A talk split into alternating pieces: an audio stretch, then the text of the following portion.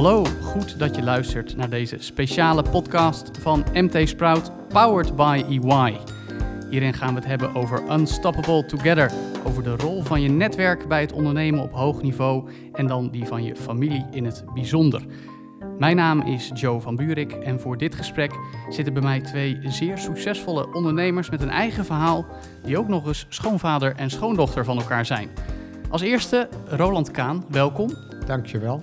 Velen zullen jou kennen als de man achter onder meer modemerk Coolcat. Um, wat kun jij vertellen over jezelf en je huidige activiteiten? Um, ik ben um, 76 begonnen met één klein winkeltje. Is een groot succes geworden. 79 Coolcat gestart. Uh, vastgoedbedrijf opgezet. Uh, Merk Today en MS-mode gekocht. internetplatforms nu. mijn zoon Jonathan is het investeringsbedrijf voor de familie begonnen.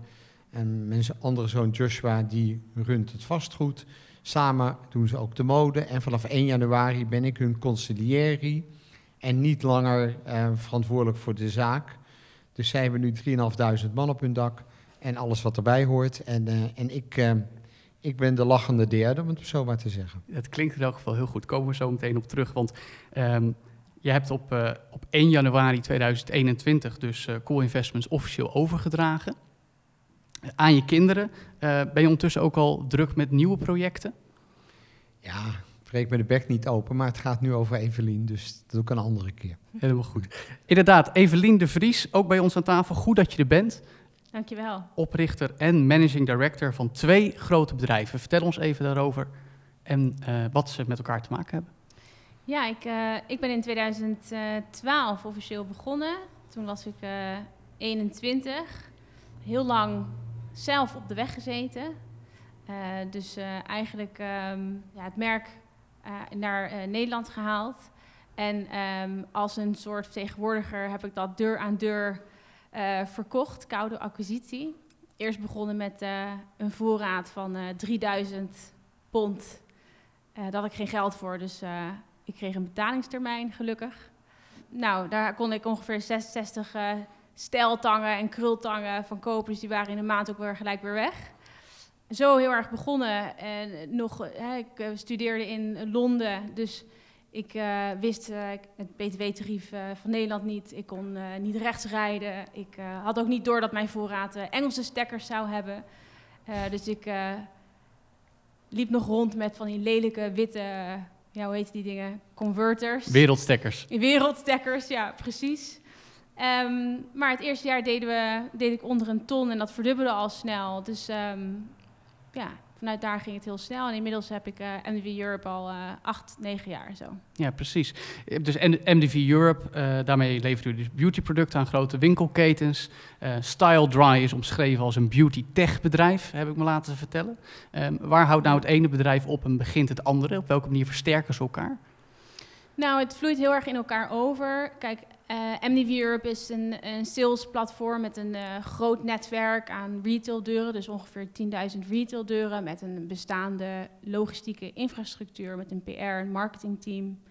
Dus in feite gebruikt ook StyleDry uh, die constructie om um, producten te leveren in de wereld. Dus nu hebben we bijvoorbeeld een hele grote order van, zeg maar wat, een half miljoen. Nou, MDV realiseert dat dan. Oké, okay, dus op die manier kun je eigenlijk zorgen dat het hand in hand uh, elkaar versterkt. Ja, ja, Helemaal goed. We willen het graag hebben over netwerk, netwerk met elkaar, ook het netwerk om je heen. Um, en aangezien we eigenlijk net mondiaal de afgelopen twaalf maanden een uh, behoorlijke crisissituatie voor de kiezer hebben gehad, uh, eerst een algemene vraag voor jullie beiden. Wie bel je het eerst wanneer het even heel erg moeilijk wordt? Jonathan. Bij, al, ja.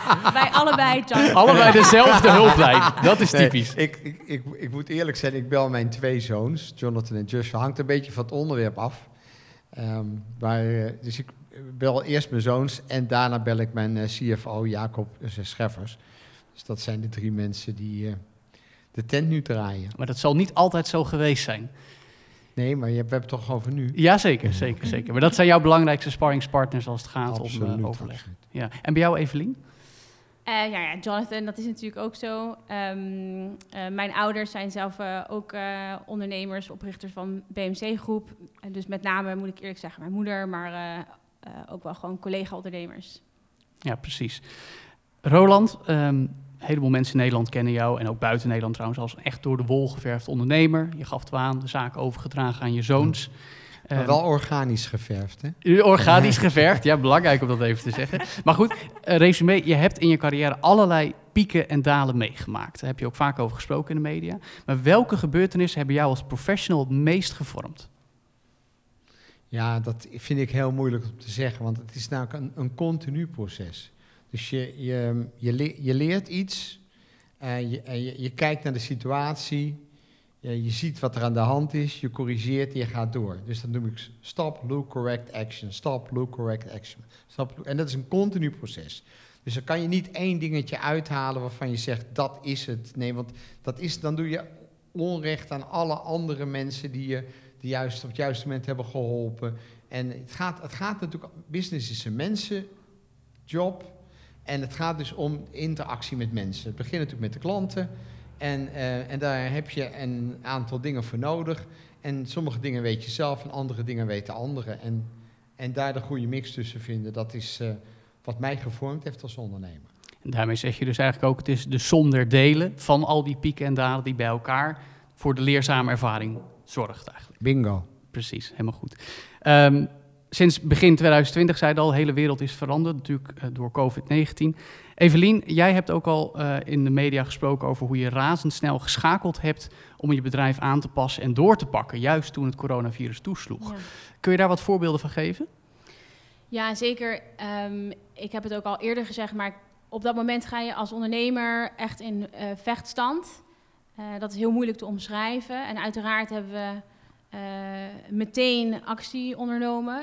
Uh, met de nadruk op meteen. Dus aan de, op zakelijk vlak hebben we alles gedaan wat we moesten doen om te zorgen dat we nog stabieler waren. Maar um, het allerbelangrijkste vond ik wel het team. Dus we zaten met twintig medewerkers, waarvan vier freelance winkelmedewerkers. Nou, en dat is natuurlijk ja, die groep was het kwetsbaarst. Niet alleen omdat ze freelancers zijn, maar ook uh, omdat alle winkels meteen dicht gingen. Dus ik heb in ieder geval gezorgd dat, uh, dat ik deze mensen uh, heel lang heb doorbetaald. En met lang bedoel ik maanden, jaar zelfs, sinds sluiting. En, um, ja, en dat zijn de mensen die de shop-in-shop -shop op Oxford Street deden in Selfridges een hele belangrijke winkel voor ons, maar die ging natuurlijk heel snel dicht. Um, dus ik heb er echt voor gezorgd, ja, je laat mensen niet stikken in zo'n situatie. En je vecht uh, niet alleen voor jezelf, maar voor iedereen. Dus dat, dat is iets wat, we meteen, wat ik meteen wel wist dat ik dat wilde doen. Echt het team beschermen. Ik voelde dat heel sterk. En daarnaast hebben we ook wat andere initiatieven gedaan, zoals we hebben voor het IC-team, het Intensive Care Team uit uh, het... Um, het uh, medisch centrum, het Universitair Medisch Centrum in Groningen, ja, goodiebags samengesteld met allemaal hele leuke en relaxende producten. Omdat ja, we, we moesten hard vechten voor, voor de business zelf. Um, maar toch, het draait niet alleen om jezelf. Ja, ik voel heel erg die verantwoordelijkheid voor, ja. voor andere mensen, juist ook je eigen werknemers. Ik hoorde Roland net bij de introductie ook al zeggen, 3500 mensen personeel volgens mij in de organisatie. Wij hebben geen personeel.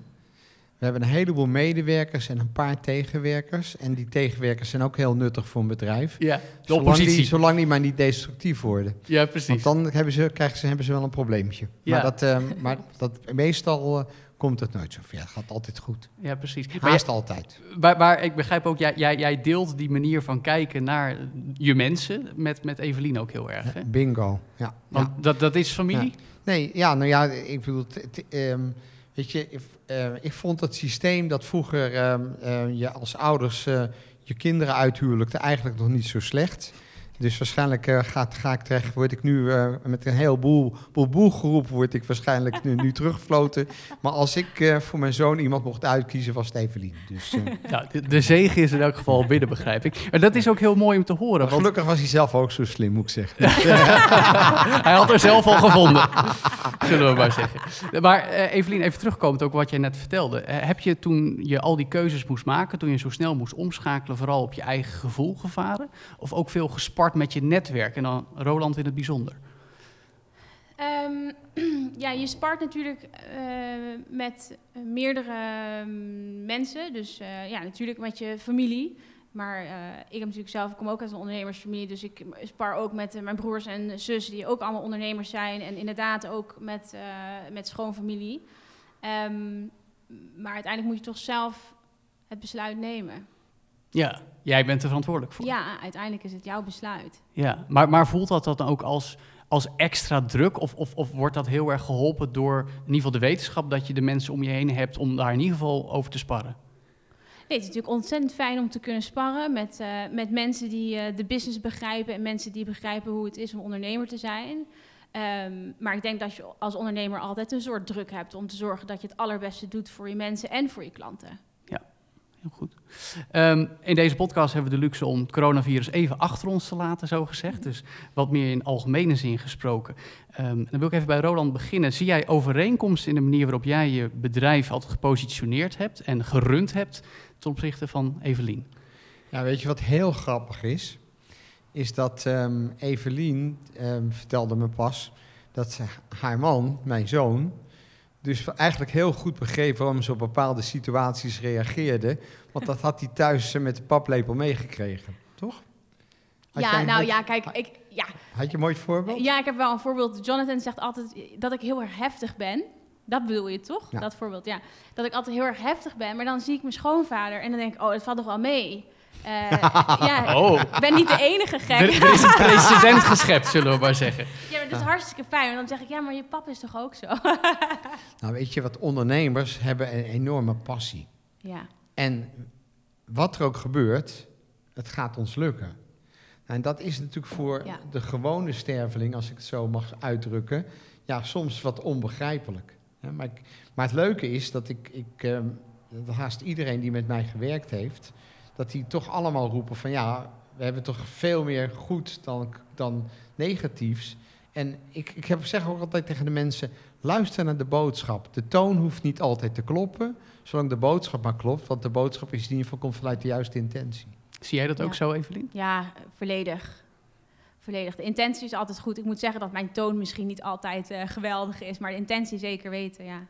En eh, juist als je het dan ook hebt over eh, de invloed van de familierelatie. Hè? Schoonvader, schoondochter. Nou, daar zit dan de, de zoon tussenin, zal ik maar zeggen. Op welke manier heeft die, heeft die invloed op hoe je naar elkaar kijkt en ook hoe je van elkaar leert?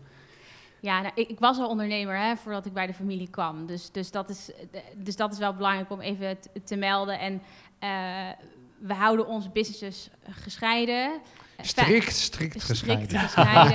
ja. Dat, dat, Uitroepteken. Dat, noemen, Ja, ze, dat, dat noemen ze bij banken Chinese walls. Precies, Ja, ja. ja. Dus geen family favors, maar hele gezellige borrels wel. Ja, Ehm, dus ja, he- heeft het invloed? Nee, ik denk het niet. nee, het is alleen maar een extra meerwaarde Ja. op de juiste momenten. Ja, ja.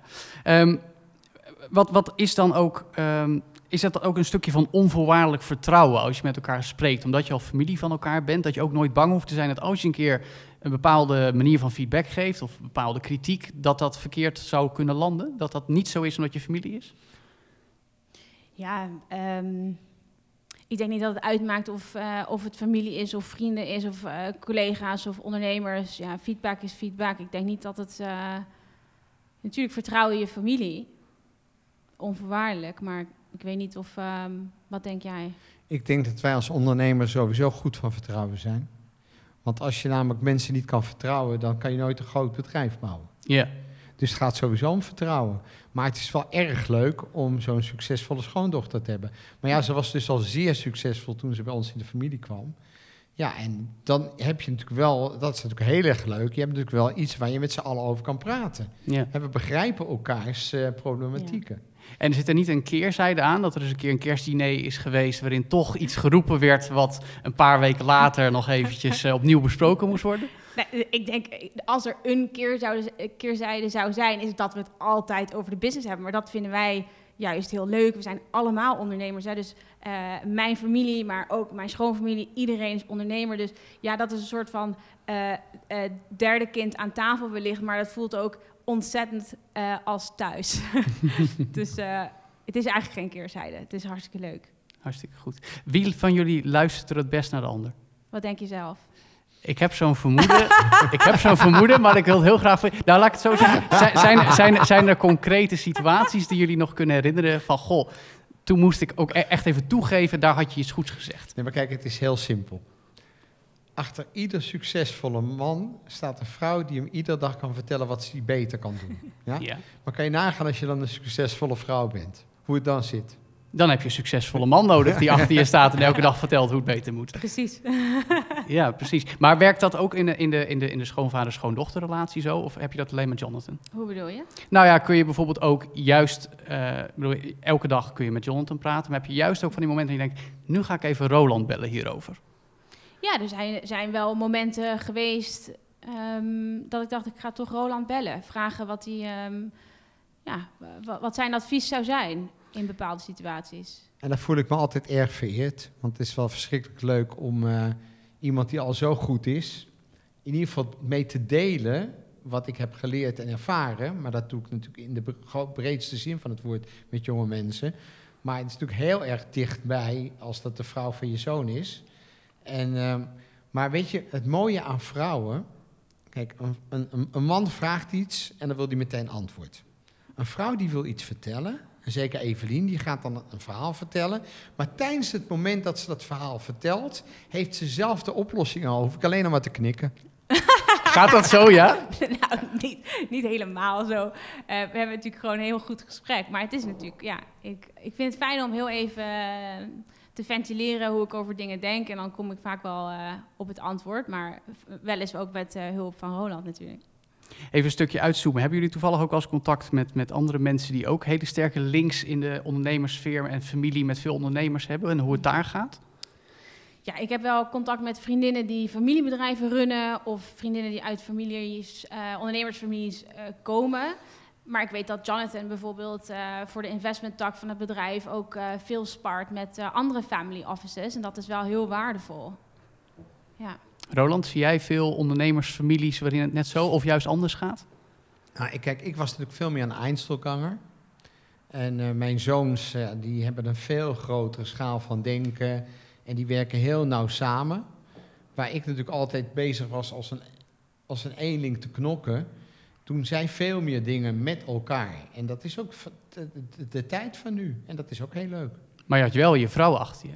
Sorry? Je had wel je vrouw achter je toen je begon met je eerste onderneming. Zeker weten. En die was ook van enorm belang. Ja, en dat was je belangrijkste sparringspartner toen in elk geval. Heel goed.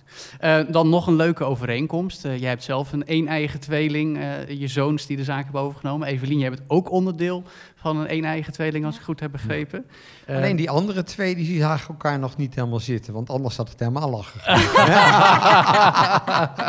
ja, dat, dat, dat vind ik wel een hele interessante. Maar zien jullie dan ook bepaalde trekken of gebruiken of overeenkomsten of gevoelens die, die, die, die juist in die tweelingensfeer terugkeren en, en het contact dat je met elkaar hebt? Ik denk dat, eh, dat jij dat goed zei eh, laatst. Ik denk, ze zijn allebei... ehm, ik denk mijn zus en Joshua, die zijn allebei meer avonturier. En die durven meer, ehm, nemen meer risico's. En ik denk dat John en ik graag nog eerst even terug naar de tekentafel gaan... om nou even goed te calculeren welke risico's er nou zijn. Ik denk dat dat wel de verschillen zijn. Zie jij dat ook zo, Roland, over je eigen zoons? Kijk, eh, je, je, je hebt het dan over communicatiestijlen. Jonathan en Evelien zijn meer controlling. Dus alles moet helemaal tot in de perfectie. Maar het zijn ook hele goede ondernemers. Dus ze durven wel degelijk risico's te nemen. Maar als ze een risico hebben genomen, hebben ze over alle stappen nagedacht. Terwijl haar zus en mijn andere zoon Joshua, dat zijn meer creatieve, spirituele mensen. Eh, die geloven meer dat het universum daar ook enorm bij kan helpen. Het komt dus toch altijd goed. En, ehm, en, ehm, ja, dat, en, en die zijn ook wat gauwer verveeld. Weet je, dus dan, die hebben helemaal geen geduld voor al die details. Eh, Het moet gewoon hoppa gebeuren. Maar en dat dus maakt de ook wel, combinatie eh, is wel erg leuk, moet ik zeggen. Ja, dat maakt hen ook heel goed. Ik bedoel, dat zie je bij Josh en eh, mijn zus Annelie ook. Eh, omdat ze ehm, eh, op die manier vrijer zijn, ehm, zijn, ze ook ontzettend, zijn zij ook hele goede ondernemers. Ik, als ik kijk naar Josh eh, en mijn zus, zij komen weer met hele andere, hele andere visies en hele andere invalshoeken die ontzettend waardevol zijn, ook gewoon voor de business. Ehm, en Josh doet natuurlijk vastgoed en mijn zus zit in venture capital. Maar ja, ik denk dat ze dat allebei ook erg goed doen. We gaan even iets verder uitzoomen, ook buiten de familiesfeer, misschien de hele internationale ondernemingswereld. Wil ik graag van jullie allebei weten, wie is je grootste voorbeeld?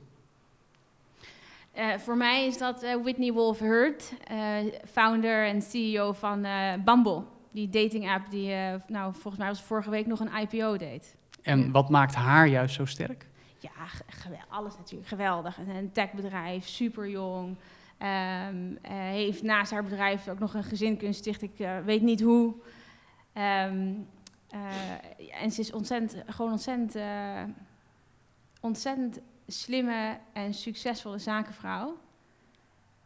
Eh, en zij ehm, maakt wel het pad vrij voor eh, de, de toekomstige generatie aan eh, vrouwelijke ondernemers. En dat eh, is belangrijk.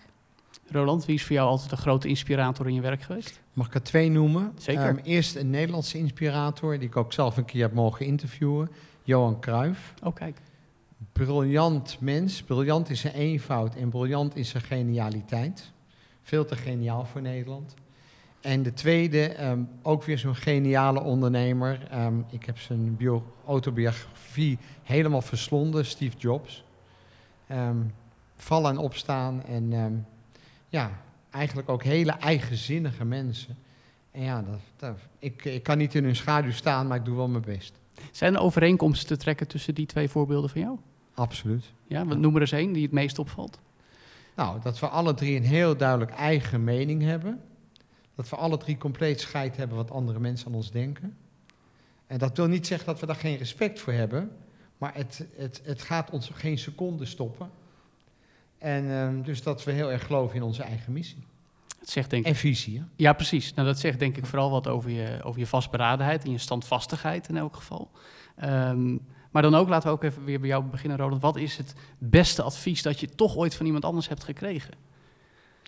Het beste advies heb ik van een hele knappe koopman gekregen. Die zei: Jongen, luister, jongen. Te veel betalen en te weinig vragen is geestelijke luiheid, jongen. Knoop het in je oren, jongen. Dat was het. Het klinkt alsof het heel lang geleden was dat je die goede raad kreeg. Zeker weten. Het was de eerste dag dat ik met mijn eerste winkeltje begon. En dat heb je altijd in je achterhoofd gehouden. Altijd. Nog steeds. Mooi, mooi. En voor Mijn, jou... kinder- een- mijn kinderen krijgen hem iedere week. Dus Oh. hij, hij, En, hangt, en ik dus ook, hè? Ja. Jij ook. hij hangt aan een tegeltje boven de deur, hoor ik al. Eh, en, eh, maar eh, los, los van deze geweldige uitspraak, welke heb jij nog meer eh, eh, in het geheugen? De aanhouder wint altijd. Eh, die is van mijn vader, maar dat is echt wel, ja, wat Roland ook zegt. ehm, wij gaan door en ehm, we zijn, eh, we, ja, we zijn niet, eh, niet te stoppen. Nee, nou dat sluit eigenlijk ook wel aan bij ook iets wat jullie allebei meermaals geroepen hebben in, in interviews en dergelijke. Ondernemen gaat om keihard werken, heel veel uren maken, maar ook fouten maken om daarvan te kunnen leren. Maar juist als we dan hier met elkaar zitten, wat ik een interessante vraag vind, kun je ook van elkaars fouten leren of alleen als je ze zelf een keer gemaakt hebt? Ja, ik, ik denk dat alle fouten waar en door wie die ook gemaakt eh, worden, zijn leerzaam. Maar ik denk dat als je zelf de fout maakt, dat die nog extra, dat die echt pijn doet. En dat maakt dan wel het verschil, denk ik. Die komt natuurlijk hard aan. Eh, een fout die je zelf maakt is, ehm, ja, dat komt met gevoel, met pijn eigenlijk. Roland, heb jij je zoons bewust fouten laten maken die jij ook al gemaakt hebt in je leven? Ik heb ze nog nooit bewust een fout laten maken. Dat hebben ze zelf gedaan. Oh, laat ik het anders zeggen. Heb je wel eens het idee gehad, deze fout heb ik gemaakt en daar wil ik ze toch heel erg voor behoeden? Nee, dat kan niet. Kijk, wat je wel kan doen is je ervaringen delen. En bij ons was Coolcat het eerste kindje aan tafel. En dit was er in 1979. En die jongens die kwamen een paar jaar later. Ehm, maar wat ze wel altijd mee hebben gekregen is het oeverloze plezier en de passie die we hadden voor wat we deden. Dus eh tuurlijk, eh, Evelien werkt knoer te hard, Jonathan werkt knoer te hard, ik heb ook knoer te hard gewerkt. Maar voor ons is het geen werk, voor ons is het een deel van ons leven. Wij zijn ermee bezig, Evelien en Jonathan en Joshua en haar zus en ik. We zijn iedere dag bezig ja, om het leven van de klanten aangenamer te maken en iedere dag opnieuw. En dat is, ons, dat is waarom we ondernemers zijn.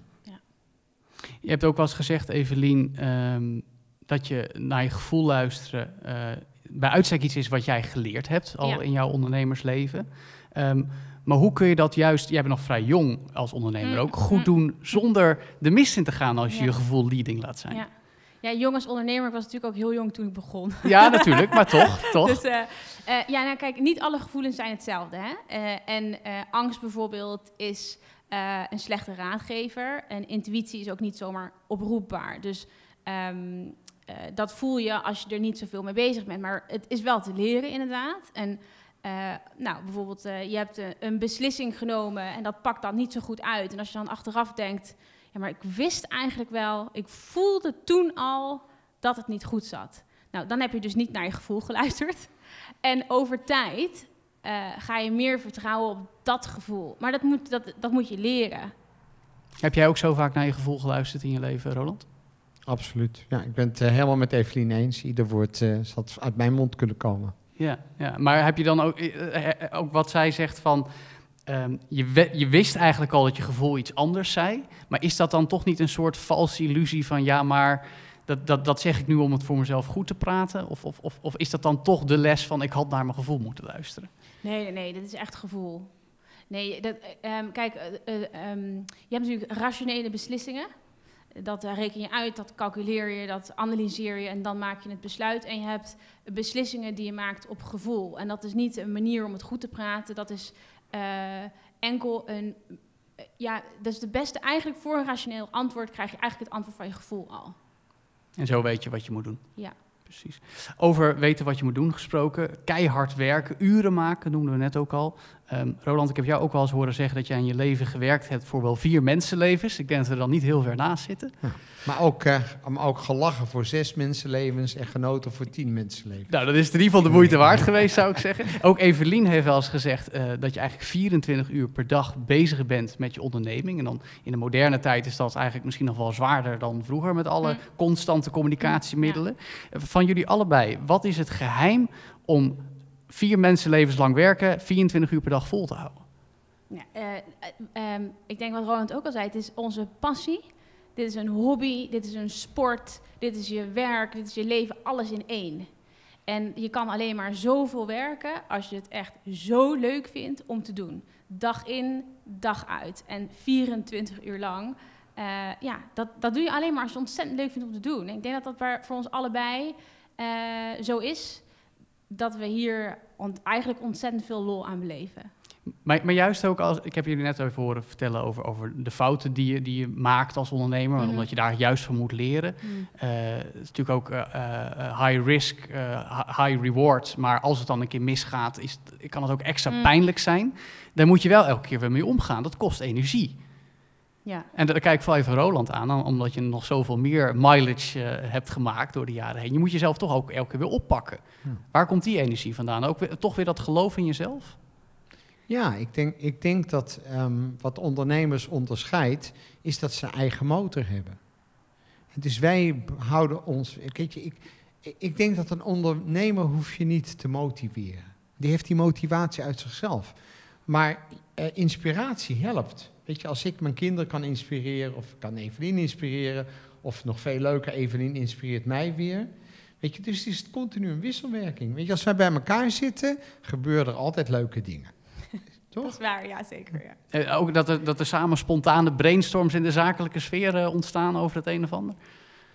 Ja, er ontstaat altijd iets leuks. Ja, en dat, dat is de energie van ondernemers met elkaar, waarin eigenlijk alles samenkomt en je dus ook nieuwe mogelijkheden ziet om, om, om dingen te ondernemen.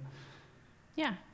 Ik denk dat het waar is. Wij hebben, ondernemers hebben een, eh, een eigen binnenboordmotor. Die, en die staat continu aan. Ik zou het een turbo willen noemen. Een Nou, turbo, Sorry, ja. om aan te geven hoeveel vermogen die wel niet kan opwekken. ja, misschien is die voor jou sneller. en, dan we maken ook het lawaai van een turbo. Dat is waar. Ja? Nou, dat, nou, dat zegt John ook altijd. Ja. Ja. We maken veel lawaai. Ja, over lawaai gesproken en ondernemerschap. We gaan het hebben over EY en ondernemer van het jaar. Roland, jij kreeg eh, die onderscheiding in 2004 als EY Entrepreneur of the Year. Wat betekende dat voor jou? Ja, dat was natuurlijk geweldig. Kijk, ehm, ik ben natuurlijk best wel een beetje een ijdel mens. Ehm, het is fantastisch als... Kijk, de belangrijkste waardering oprecht is de waardering van je klanten. En die waardering van je klanten die drukt zich uit in je business. En mensen komen dingen bij je kopen en daardoor groeit je business en dat is de echte waardering. Maar wat ik ehm, mooi vond aan meedoen aan die Entrepreneur of the Year 2004, was dat je hele bedrijf wordt geanalyseerd. Dus je leert ook weer heel veel van die knappe koppen bij, uh, bij Ernst Young. En dat was ook, best, was ook best heel erg leuk. En ook het hele proces om dan aan zo'n competitie mee te doen. Hè.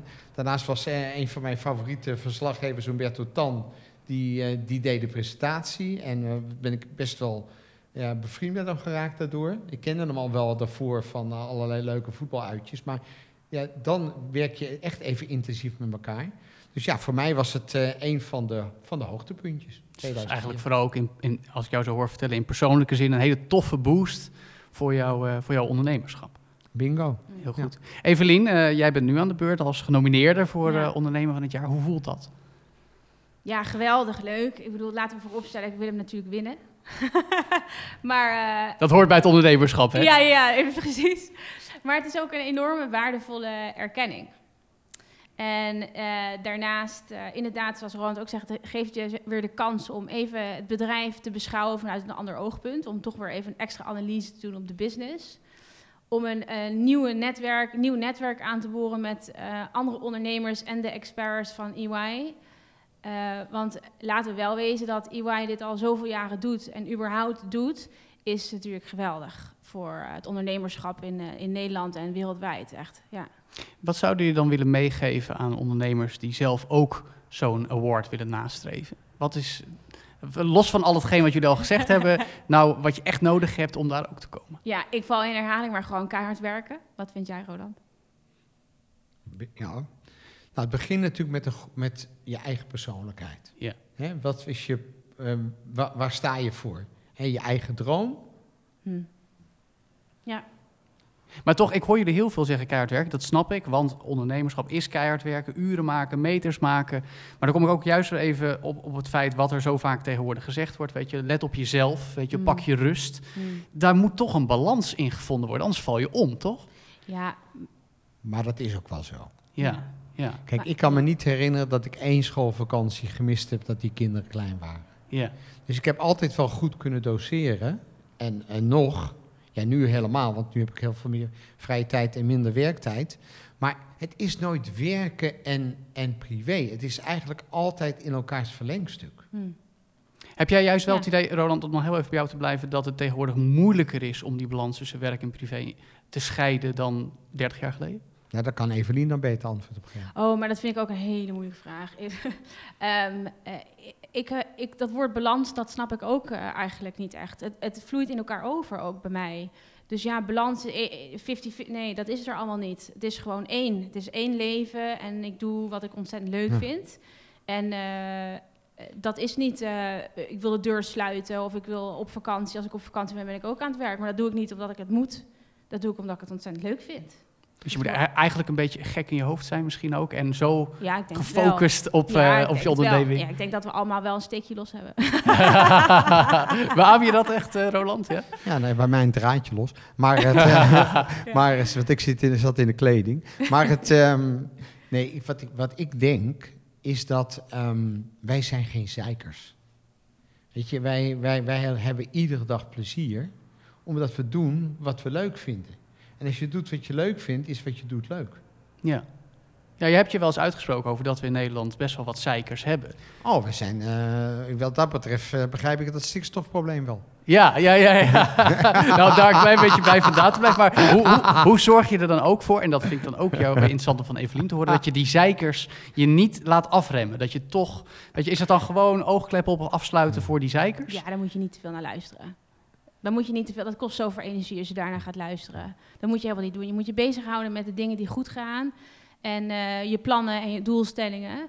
En eh, ja, dat mensen willen zeiken, dat is natuurlijk normaal. Dat willen ze altijd. En, maar dat is niet, eh, dat, dat is niet, eh, dat heeft niks te maken met onze bedrijven natuurlijk. Maar het heeft wel te maken met gewoon eh, de omgeving.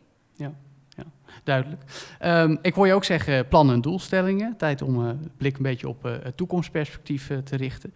Ehm Evelien, jullie plan is, heb ik vernomen, om in de komende vijf jaar eigen merken binnen te halen. Een eigen online platform op te zetten. Ja.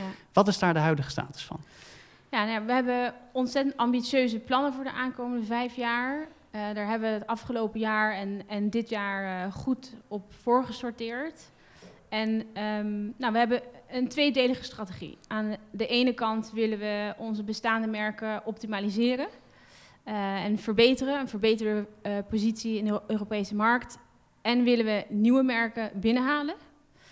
En daarnaast heb ik mijn oog op een aantal hele mooie bedrijven die ik eh, graag zou willen overnemen. En ik, en ik hoop dat op korte termijn ook onze eerste overname te kunnen doen. Er lopen natuurlijk wel wat gesprekken, maar daar kan ik niet zoveel over zeggen. Nee, dat begrijp ik. Maar in elk geval een heleboel ambitie in één pakketje voor eigenlijk een paar jaar eh, in het vooruitzicht. Ja. Ja, ja, ja. ja, juist als je het hebt over, over online, ehm, is dat voor Roland denk ik wel een interessant haakje. Jij hebt natuurlijk ook veelvuldig gesproken over hoe, jij online lange tijd links hebt laten liggen, hebt onderschat. Eh, eigenlijk in 2019 toch daar wel heel erg op in gaan zetten weer met Coolcat. Nee, nog veel eerder. Veel eerder Ja, nog. veel eerder. Nee, maar kijk, wij hebben een achterstand opgelopen. Ja. Omdat ik de droom van Coolblue niet zag. Ik zag de droom van Coolcat. Juist. En ik denk, mensen gaan geen kleding ehm, ehm, oh, in een doos doen en dan eh, eh, thuis passen en weer terug. En het, het hele, en het feit dat ook geen een van die businessmodellen winstgevend was.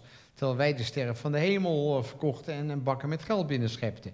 Dus weet je, zo, dat, het kwam mij zo onlogisch over. Maar inmiddels ben ik erachter dat de wereld veranderd is. Het gaat helemaal niet meer om dat je veel verdient. Het gaat erom dat je veel marktaandeel hebt. Het gaat erom dat je eh, klantenwaarde creëert. Er zijn andere eh, USP's gekomen. En, en, ehm, en er zijn andere, ehm, ja, andere meet- en eikpunten gekomen. En, en ja, inmiddels hebben we vol ingezet op eh, online. Coolkids is alleen online. En eh, dat eh, gaan we dit jaar zeker verdubbelen op vorig jaar. Waar vorig jaar al kiet met Coolcat. En dit jaar is Coolcat winstgevend. Nou, Merck Today eh, zet al meer om online dan in zijn filialen. Ja, nu het dicht gaat is dat natuurlijk helemaal makkelijker. Maar dat gaat dus ook heel hard. MS-mode komt wat moeilijker van gang. Maar over het algemeen ehm, ja, is, wij zijn zo meteen een meer, meer is, zijn we een modern retailbedrijf dat echt multiplatform is. Evelien, jij zat natuurlijk altijd uit al eerste rang, maar eh, luister je mee? Ne- Met, met gesprekken? Nou, alles wat eh, Roland nu zegt over wat hij geleerd heeft over eh, juist ook online platformen. Ja, en eh, ik bedoel, dat doen ze echt geweldig. En ehm, V&D ook trouwens. Eh, geweldige, ehm, geweldige business die er gedraaid wordt online. En ik denk dat dat eh, heel erg bewonderingswaardig is om zo snel zo'n change te kunnen doen. Zitten daar voor jou juist eh, inspiratiebronnen in van, goh, dat ga ik meenemen in wat ik nu zelf van plan ben? Ehm, ja, nou ja, kijk, ik bedoel, online is voor elke branche ontzettend belangrijk. En dat is bij ons ook zo. Ehm meerderheid van onze business doen we met online partners. En marketplaces. Dus eh, wat we daaruit mee kunnen nemen is dat, ja, eh it's digital first. Digital first, dat, Ja. dat is wel heel erg eh, 21ste eeuw uiteraard. Roland, nog even, ik heb jou horen zeggen dat je bezig bent met anti-aging. Je wil 120 jaar oud worden. Hoe, hoe gaat dat? Nou, dat gaat heel goed. Ja, dat gaat heel goed. Dat gaat heel goed. Ik wil nog heel lang van mijn kleinkinderen genieten. En je hoort hoe actief ze is, dus het kan nog even duren. Toch weer die kerstdiner-gesprekken,